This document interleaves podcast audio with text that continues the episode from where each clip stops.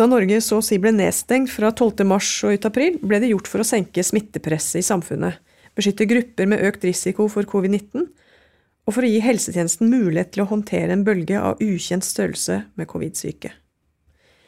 Nå er stadig større deler av samfunnet gjenåpnet, så hvordan påvirker egentlig det sykdomsrisikoen for folk flest? Én ting er å bli syk av korona, noe annet er risiko for å bli syk av andre ting, og risiko for at sykdom ikke oppdages. Har vi fått en ny interesse for sykdomsrisiko blant helsepersonell og samfunnet generelt? Jeg heter Helen Brandstorp. Og jeg heter Espen Rostrup Nakstad. Dette er Helseaktuelt. Snakkes med Nakstad.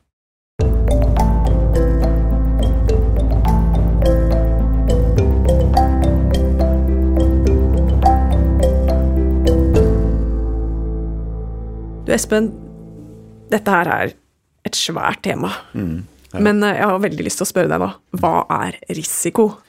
Det er et godt spørsmål, fordi jeg tror mange blander kanskje begrepene risiko og sannsynlighet lite grann. Fordi det vi egentlig snakker om, er liksom sannsynlighet for noe. Mens risiko, det er på en måte i sånn risikofaget, da, så brukes det ofte om kanskje to ting hovedsakelig. Det er ene er liksom et potensial eller en mulighet for at noe uønsket skjer, eller på en måte noe som man ikke ønsker. Ehm, og det andre er sånn opptreden av hendelser med, med påfølgende konsekvenser og tilhørende usikkerhet. Da. Altså at man ikke vet hvilke hendelser som vil skje, og hva konsekvensene vil bli. Mm. Sånn at uh, i sånn uh, i beredskapsarbeid så snakker man ofte om, om, sannsynlighet og konsekvens, og plotter det inn i en matrise. ikke sant? At uh, hvis noe har en lav sannsynlighet, og konsekvensen også hvis det skjer er lav, da på en måte er, risikoen også lav. på en måte, Da er man ikke så bekymret. Men hvis enten sannsynligheten for at det skjer er stor, eller konsekvensen er veldig stor, så på en måte blir det et helt annet bilde. Da. Så det er kanskje det teoretiske betraktning rundt det, men, men i dagligtale så snakker vi jo om risiko og sannsynlighet som mye av det samme, da. Det mm. tenker jeg er helt greit. Mm. Så. Og koronaviruset har jo altså som risikofaktor så er det jo veldig smittsomt. Og potensielt dødelig for, for de med underliggende sykdom. Ja, det er dette som er litt sånn spesielt med dette viruset, at eh, at uh, man tenkte kanskje mange steder i verden først i, når man hørte om dette i januar, på, tenkte på det litt som influensa. Uh, og det ble ofte sammenlignet med influensa også. Uh, av en eller annen merkelig grunn, egentlig, for dette var jo et helt nytt virus. Det er ikke et influensavirus. Det er et SARS-virus, et SARS-koronavirus, og de tidligere virusene vi har hatt av den samme, eller beslektet type, da, sånn som SARS-viruset i 2003 i Asia, eller MERS-koronavirus, altså Middle East Respiratory eh, syndrom. Eh, de virusene de var jo veldig alvorlige. Hadde høy dødelighet. Mm. Så, men, eh, men, uansett så har jo dette viruset vist seg å være ganske smittsomt. Ikke av det mest smittsomme vi har, egentlig. Altså Det er mange ting som er mer smittsomt. Både meslinger og andre ting er jo veldig mye mer smittsomt. Men det er jo et virus som kanskje da smitter tre personer i snitt, hvis det får flyte sånn uhemmet gjennom samfunnet. Eh, og som gjør at ganske mange blir alvorlig syke og havner på sykehus. En langt større andel i hvert fall enn det som man ser ved influensa. Og så er kanskje det som er mest spesielt med det viruset, er at av de som havner på sykehus, så er det, ser ut som, det er internasjonalt, at én av fire havner på intensivavdeling. Mm. Og det er ganske høye tall. Eh, og det er nettopp det som gjør at eh, belastningen på hele helsetjenesten i de landene som er hardt rammet, har vært veldig stor. Og det er klart, hvis du har et helse system som ikke kan ta seg av fødende og folk med beinbrudd og med slag og alle de vanlige tingene, og ikke kan drive kreftutredning og ikke sant, da, da er vi liksom i ytterste konsekvens tilbake i steinalderen på et eller annet tidspunkt. ikke sant, Sånn at uh, det er nok det som har gjort at dette har blitt uh, uh, såpass svært og på en måte gitt så store konsekvenser da, i mange steder. Mm. Mm. Så den risikoen som dette viruset utgjør, syns du at vi at vi skjønte det i tide i Norge? Var jo, vi var jo i mange møter og holdt på å diskutere. Ja, jeg tror, jeg tror jo at uh, i Norge at vi har på en måte tatt inn over oss uh, dette på et, ganske tidlig i forhold til mange andre land. Så kan du si at vi har hatt litt flaks også, fordi dette dukket jo opp i særlig Nord-Italia og Østerrike noen uker før i Norge. Altså slo i hvert fall hardere ut litt tidligere. Så vi fikk jo veldig hjelp av å se på hva som skjedde i de andre landene i Europa. Og vi hadde jo fulgt med nøye i Asia også, hva som skjedde der. Men det er klart man er alltid litt sånn usikker på Når man ser ting på nyhetene fra Asia, så tenker man nei, det kommer jo ikke hit. Og, Og det blir vel ikke så farlig her, fordi vi har jo et bedre helsevesen, og sånn er det fort gjort at man tenker. Men, men signalene var ganske tydelige allerede i januar på, på hvilken risiko denne sykdommen drar med seg. Og så kan man si at det, det har vist seg en ganske stor eh, risiko da for hele samfunnet, altså for økonomien og for alle mulige andre områder enn helseområdet også. Og det er jo på en måte det som verden sliter med akkurat nå. Da. Mm. Det er jo etter hvert som man får kontroll på viruset og, og, det får mindre konsekvenser for helsetjenesten, så, så, er det fortsatt enorme konsekvenser for handel og næringsliv og turisme og økonomi generelt. Så det, det har jo vært en trigger og kastet verden inn i en resesjon, uten tvil. Mm. Fattigdom? Det også. Og det blir jo Nå er vi veldig opptatt av hva som skjer i industrilandene ikke sant? og i, mm. i Vesten. Eh, hvor det har vært eh, mer enn nok å gjøre, og, og man blir litt sånn proteksjonistisk også i mange land. ikke sant, Tenker på seg og sine. Men uh, hva dette betyr for utviklingsland på sikt, kanskje mest som følge av at økonomien begynner å gå dårlig, og at handelen lider, det er klart det, det er jo neste kapittel som heller ikke blir noe lystig lesing, antagelig. Mm. Mm. Dessverre. Jeg tror det her um, risiko for å bli smittet, og at uh, viruset ikke gjør forskjell på folk mm. uh, har gjort at mange må tenke litt rundt uh, hva vel, velstand kan gi. Men vi har jo også brukt pengene våre på å bygge opp et kjempegodt helsevesen, som du sier. Mm, mm. Sånn at uh, vi har jo både en fantastisk god primærhelsetjeneste i mm. verdensklasse og, mm. og, og, gode sykehus. Så det å være en risiko Eh, Eller eh, ja, være i risikogruppen. Man er jo ikke pasient før man mm. blir syk, men mm. det, Vi definerte jo den gruppen til å være veldig stor i Norge. Mm. Ja, Hva tenker du om det? Nei, vi definerte jo den, eh, eller i hvert fall definerte den på en måte som gjorde at 1,6 millioner nordmenn ca. havnet i, i en, en, av flere risikogrupper. Da. Men det er klart, litt til det første du sier, det er klart selv de rikeste land med det beste helsevesen og helsetjeneste kommer liksom ikke unna dette her. Mm. Ikke sant? Og vi har jo sett at, eh, at du kan ikke på en måte, bygge deg ut av problemet med å bygge opp intensivavdelinger og sette inn på en måte, penger og helseressurser.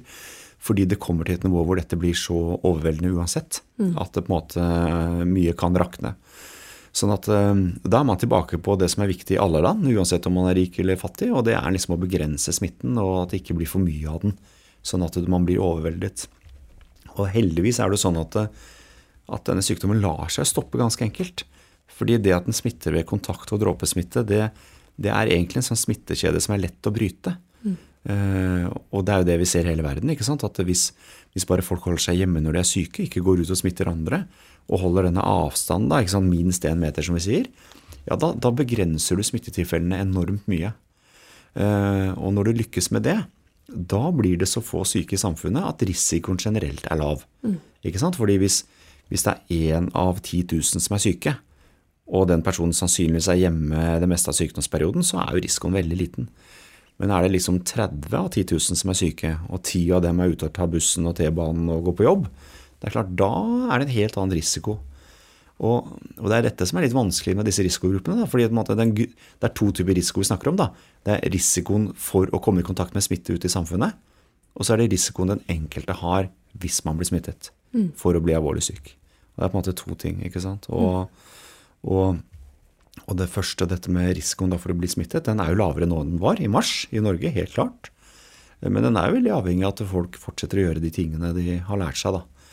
Eh, men det er klart den beste tjenesten vi kan gjøre de risikogruppene, er å redusere den grunnleggende risikoen. ikke sant? Færrest mulig syke i samfunnet. Da har vi gjort risikogruppene en tjeneste. Da kan de være mer sammen med barnebarn, de aller eldste i sommerferien f.eks., og de kan gjøre ting som, som man sterkt frarådet i mars måned. Da. Mm. Uh, og, men når det da gjelder risikoen uh, for den enkelte hvis man skulle bli smittet, så er på en måte det den er litt sånn universell. Den er egentlig stort sett den samme i alle land. For det man ser, er at de aller eldste altså Alder har mye å si her. fordi det er immunsystemet ditt, immunforsvaret ditt, som på en måte må takle dette nye viruset. Og jo eldre man blir, jo på en måte mindre fintunet er eh, på en måte immunsystemet ditt. Det har på en måte også noen fordeler å bli eldre, fordi har du vært igjennom f.eks. influensa flere ganger, så blir du mer og mer immun. ikke sant? Og, så det har sine fordeler, men nye ting som på en måte blir helt annerledes for immunforsvaret, det er kanskje ikke så gunstig å få når man er mer enn 80 år. Um, og det har man jo sett på statistikken, at det er de aller eldste. altså Alder er en veldig viktig faktor. Er du 80 år, og særlig godt over 80 år, så, så har det en høy dødelighet. Eh, fortsatt sånn at de aller fleste blir friske. altså Sånn eh, åtte eller ni av ti blir friske i den aldersgruppen også. Men, men, dødeligheten er veldig mye større eh, blant dem sammenlignet med de som er i 70-årene, 60-årene og 50-årene. Um, så det er vel det viktigste. Men i Norge så har vi jo regnet på dette her, da. ikke sant? At eh, tar du alle de over 65 eh, år, legger til alle de med kroniske sykdommer, da blir det veldig mange mennesker i Norge, da. Mm. Det.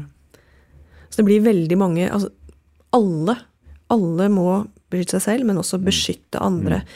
Jeg snakket med en som jobber på en intensivavdeling nå i helgen, og hun, eh, hun, sa det at etter å ha vært i, eh, i Frankrike, mm. så hadde hun sluttet å hilse på pasientene for lenge ja, siden. Ja. Fordi de var opptatt av, helsearbeiderne i Frankrike, altså mm. før korona, at ikke de skulle smitte pasientene med multiresistente bakterier. Mm. mm. Så jeg tenker vi har litt og vi har hatt det litt, uh, litt fredelig i vårt hjørne i forhold til smitte, og vært kanskje litt naive. Ja.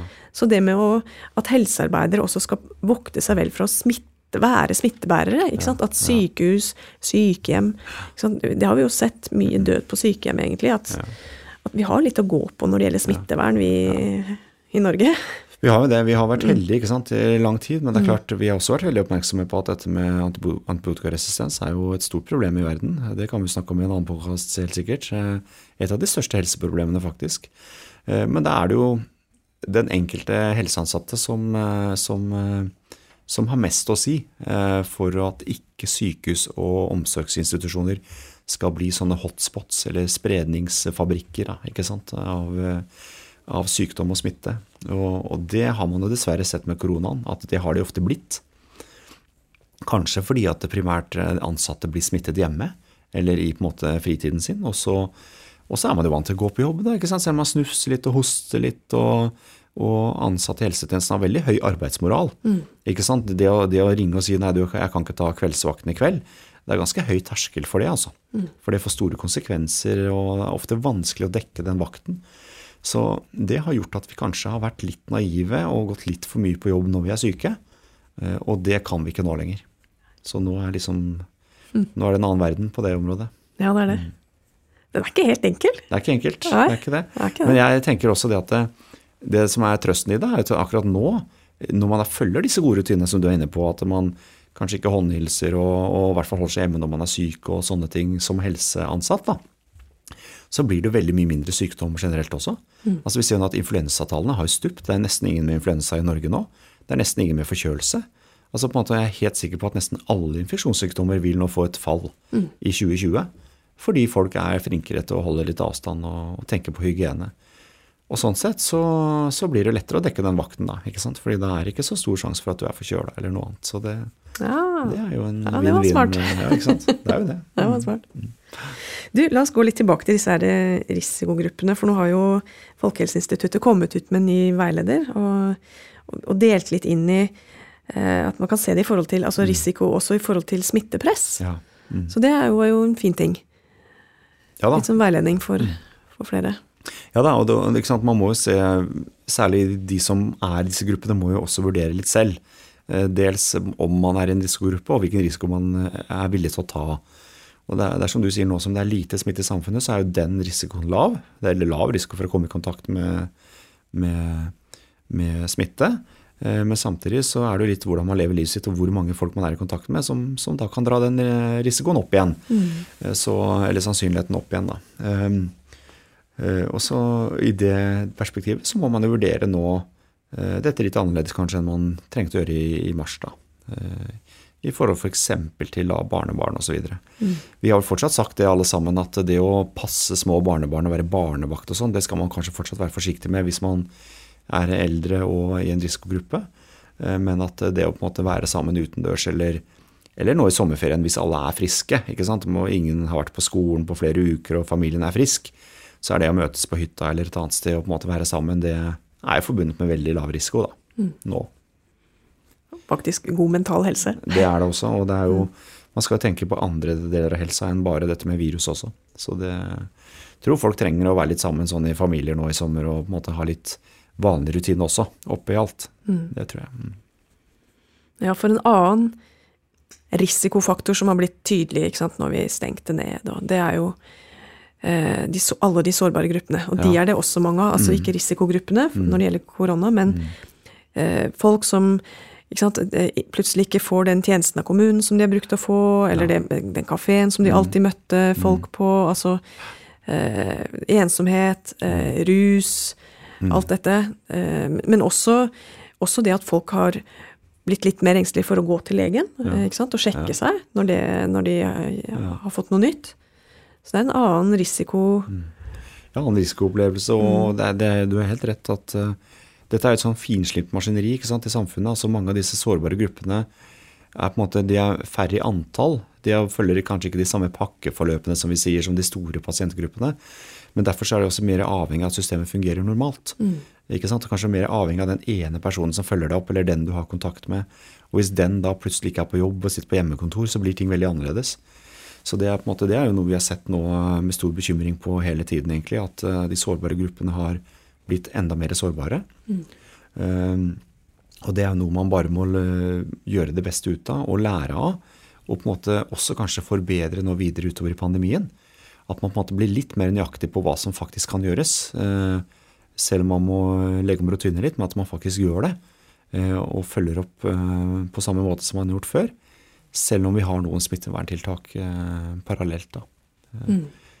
Og det går, liksom, det går litt på en eh, analogen til dette her. er jo liksom, eh, Hvis du ser på dette med én-til-én-kontakter, frisører, fysioterapeuter osv., som var veldig strengt, og som nå er sluppet, sluppet litt opp, så, er klart, så ser jo alle det at eh, i en situasjon med lite smitte i samfunnet, hvis man forsikrer seg at eh, den som kommer til fysioterapeuten er frisk, og at eh, fysioterapeuten selv er frisk, så er det en lav risiko. Ikke sant? Og, og det å da, hvis da pasienten eller fysioterapeuten går på et kjøpesenter eh, lørdagen etter og er i kontakt med mange hundre mennesker, så er det klart det er en høyere risiko. Sånn at vi må liksom ha det perspektivet oppe i det hele, at eh, dette med antallet kontakter i løpet av en dag er liksom vesentlig. Og kan du begrense det, så, så kan man ofte ha én-til-én-kontakt og hjelpe enkeltpersoner også i sårbare grupper, tenker jeg. Mm. Ja, det er viktig nyansering, det der. Jeg tenker litt på de her eh, sårbare gruppene og, eh, og hvordan ting har blitt stengt ned. Men så har jo ting, nye ting, da, åpna opp. Jeg hørte om, eller leste om Frisklivssentralen i Harstad, som starta sånn digital gruppe ja, gruppesamlinger, og jeg har hørt om eh, digitale ungdomsklubber, og ja, jeg ser folk som ikke har skrevet på Facebook før, de er blitt aktive. Jeg har alltid vært aktiv, men eh, Ja, nettopp. Ja, Det er morsomt å se, da. At, eh, altså, og det tror jeg er noe av det positive som kan- komme ut av dette her. At man bruker de verktøyene man har liksom, til å holde kontakt eh, og på en måte eh, digitalt da, i, på ting som man kanskje ikke gjorde før. Kanskje før så har man vært veldig opptatt av den ene timen man har, eller at på en måte eh, Som har vært relativt sjelden. Mens nå, hvis man har litt lavere terskel for å få svar på ting man lurer på, eh, kontakte en del av helsetjenesten, få det raske svaret, så er ikke det så veldig belastende nødvendigvis, og det kan gjøre mye nytte for, eh, for den som trenger det. Så, så det er jo på en måte en, eh, kanskje en positiv sak som kommer ut av det. Da. Så tenker jeg også det at eh, at vi nå på en måte har hørt om alle disse risikogruppene og sårbare gruppene, og at folk flest også tar litt mer hensyn. Fordi det er som på en måte, dette er grupper som de fleste glemmer. ikke sant? Man tenker ikke så mye på det. Men nå er det sånn at når du nå skal ha litt avstand til folk når du går på fortauet, så er det kanskje ikke mest av hensyn til deg selv hvis du er i 20-årene, men det er av hensyn til de eldre eller de risikogruppene som faktisk bruker det samme fortauet. Sånn at det at vi har en mer tenkning rundt det, det tror jeg er veldig bra, og det kan vi gjerne dra med oss videre også etter denne pandemien. Ikke sant? Og når man tar det skrittet til siden, så ser man på hverandre og smiler.